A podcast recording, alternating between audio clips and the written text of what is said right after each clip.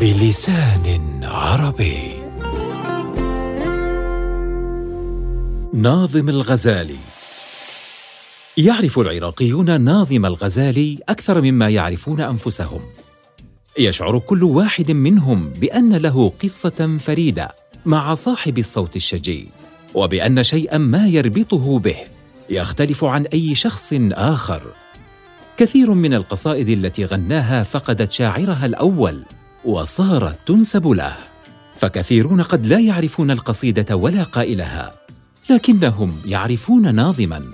فهو مالكها بصوته العذب بحركات يديه بروحه التي عرفت القصيدة والأغنية والكلمة بشكل جعلها تصير جزءا من ذاته.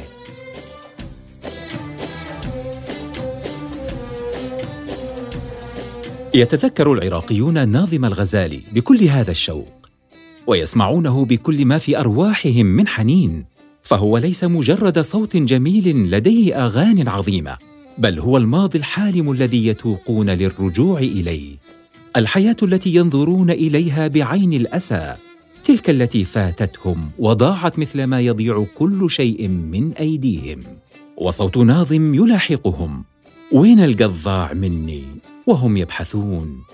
أحيانا يجدونه في صوته ومرات في أغنياته وحين يضيق بهم الزمن وتسود الحياة ينقذهم ناظم الغزالي بالأمل.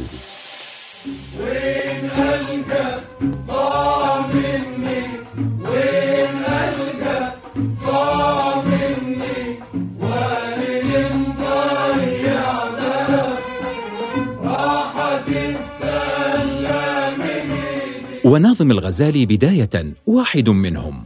ولد فقيرا في محلة الحيدرخانة ببغداد عام 1921 عاش يتيما مع أم ضريرة. تركته هي الأخرى مبكرا وغادرت الحياة. فرباه عمه لكنه لم يكن معجبا بميل الغزال للفنون. فتخلى عن رعايته ليرتحل إلى بيت خالته التي كانت بديلا عن أم غائبة. لم يستطع إلا بصعوبة بالغة إكمال دراسته الابتدائية والمتوسطة. التحق بعدها بمعهد الفنون الجميلة واختار قسم المسرح. إذ كان قبل أن يكتشف صوته قد خبر مواهب أخرى لديه. وجدت من يحتضنها في وسط كان يتوق للمبدعين. فحق الشبلي نجم المسرح وقتها. كان أبرز من سانده ودفعه ليكون نجما مسرحيا.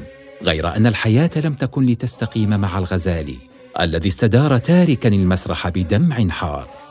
فقسوة الحياة تحتاج ما هو أكثر من المسرح والغناء وصار يعمل بعدها مراقبا في مشروع الطحين في أمانة العاصمة. ولأن ناظم الغزالي ليس شخصا عاديا فلم يستسلم لعمله الروتيني في مراقبة الطحين بل ظل ينمي مواهبه يقرأ ويكتب. يستمع للمقام العراقي الأصيل ويتعلم وترافقه في طريقه اليومي أصوات غنائية كانت تطرب العالم العربي بأكمله وقتها من أم كلثوم ومحمد عبد الوهاب ونجاة علي وغيرهم. فقد كانت البلاد العربية تتسابق لإدهاشنا بالجمال والموسيقى الجميلة والأصوات العذبة وفي ذلك الطريق الممل الذي قطعه من بيته إلى عمله اكتشف في نفسه ميلا للغناء. وموهبة كانت تتفتق وتفصح عن نفسها يوما بعد آخر. فالحياة التي كانت قاسية معه بداية جعلته يكتشف في نفسه صوتا سيجعله يذكر إلى أجيال وأجيال متلاحقة.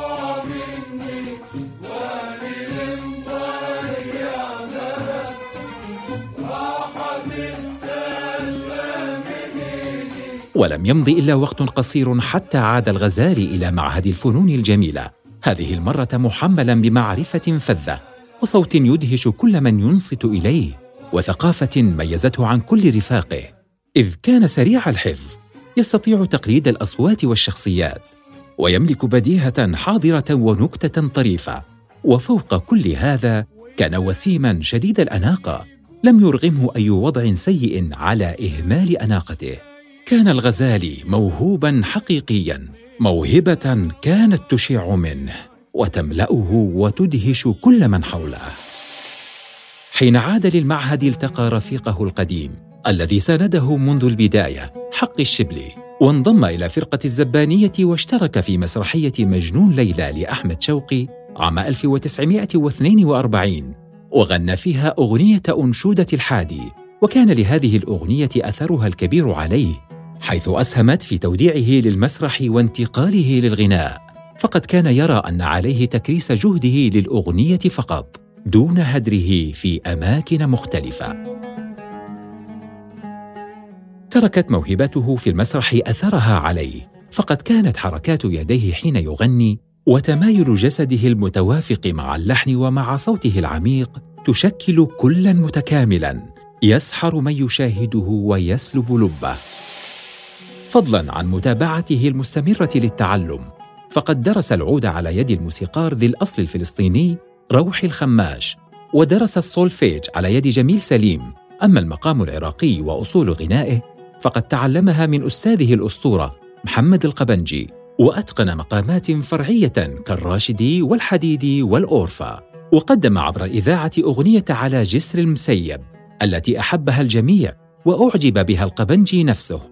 فصارت أغنية تشبه ذكرى جميلة نعود إليها دائما كلما اشتقنا ومثلت زمنا نحلم بالرجوع إليه.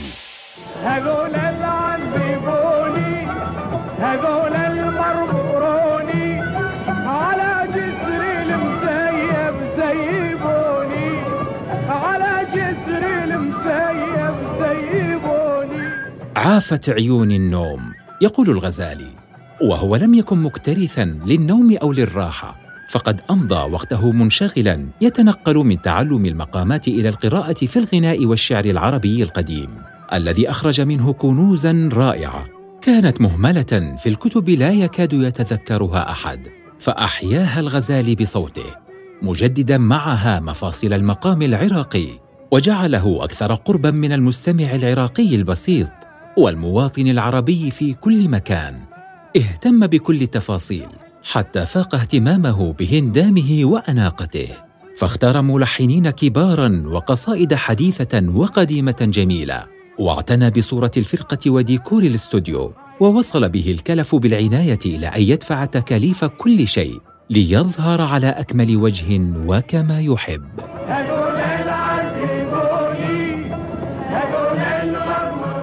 صارت أغانيه شغل كل الناس من فقرائهم إلى أغنيائهم فقد لمس قلوب الجميع وتقرب بصوته الحقيقي والصادق منهم فلم يترك بيتا إلا وطرقه بلحن ولا محلة إلا ومر بها بقصائده ولا بلدا عربيا إلا وتقرب من ناسه بأغانيه. فلم يحدث أن عرفت البلدان العربية مغنيا عراقيا كما فعلت مع الغزالي فأحبوه جميعا وانتظروا أغنياته. وتاقوا لمشاهدته وصار ذائع الصيت في كل مكان يحمل أغنيته في روحه وينتقل من مدينة لأخرى ومن بلد لآخر. يقول للناس أودعت روحي في أغنيتي فأنصتوا.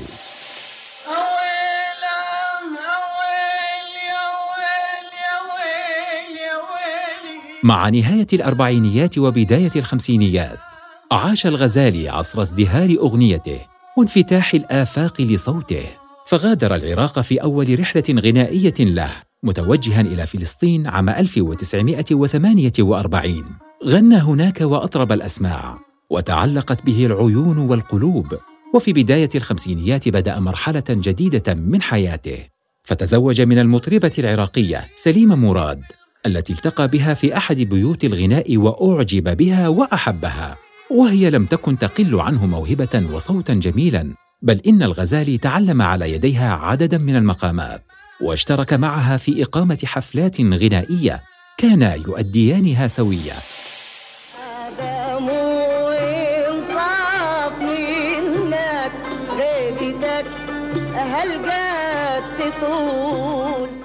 لفت هذا الزواج الأنظار فقد كانت سليمة تكبره سنا.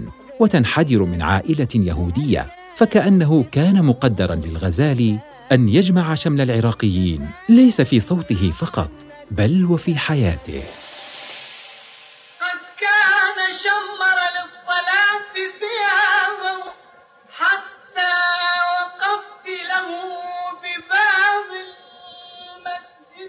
ظل طوال تلك السنوات يسافر من بلد عربي لآخر. يقيم الحفلات وتجتمع الحشود لتستمع له آتية من كل مكان تقصد صوته العجيب الذي يدخلهم في حالة نشوة وذهول فأصبح خير سفير للأغنية العراقية. فأينما توجهت في الماضي والحاضر وسألت عن العراق ستحصل على جواب متكرر عراق ناظم.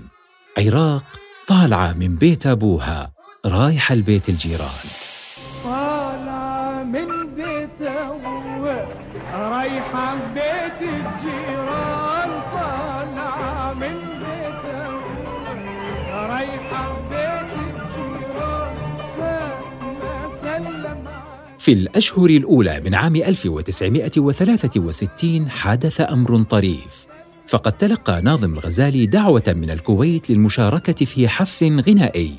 حفل شارك فيه جمع من أشهر المغنين العرب وفي الليلة الأولى من الحفل كان موعد دخول ناظم في الساعة الواحدة والنصف بعد منتصف الليل. ظن الغزالي أنه لن يجد أحدا في القاعة. هل سيغني أمام كراس خالية؟ لكنه ما إن وقف على المسرح حتى تفاجأ بالحشد المترقب له. عدد هائل من الناس هجروا النوم وودعوا الأسرة ووقفوا ينتظرون قدوم ناظم. وهو لم يخذلهم. فقد غنى الليل كله وأدخلهم في عالم ساحر وعجيب.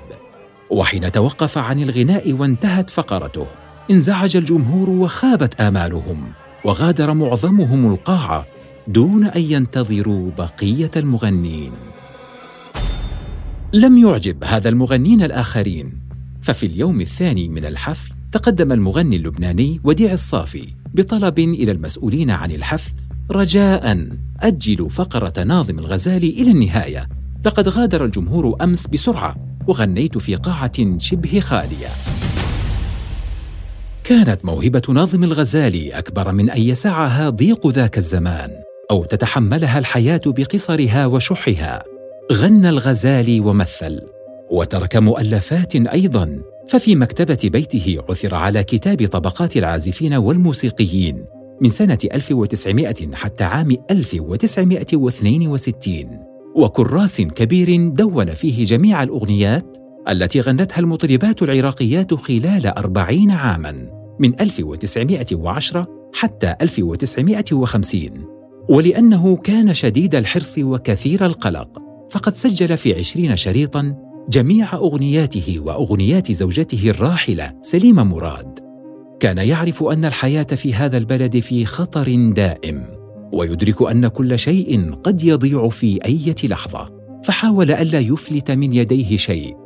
لكن النهايات كثيرا ما تكون أسرع من توقعنا للكمال فمعظم مخطوطاته لم تكتمل ولم يقرأها أحد.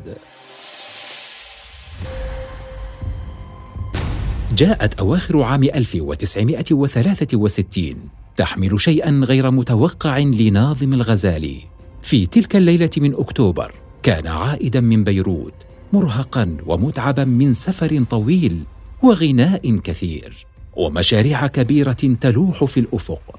أجهد نفسه بشكل لا يصدق فتهاوى جسده وانهار على الأرض. يحكي أستاذه محمد القبنجي عن ذلك اليوم ويقول اتصلت ببيت الغزالي بعد عودته من السفر لأطمئن على أحواله. أخبرني أهله أنه مريض فلم أصدق. ألححت في طلبه وأردت التحدث معه غير أنه لم يستطع. وبعد نصف ساعة فقط اتصلوا بي ليخبروني أن ناظم الغزالي قد مات.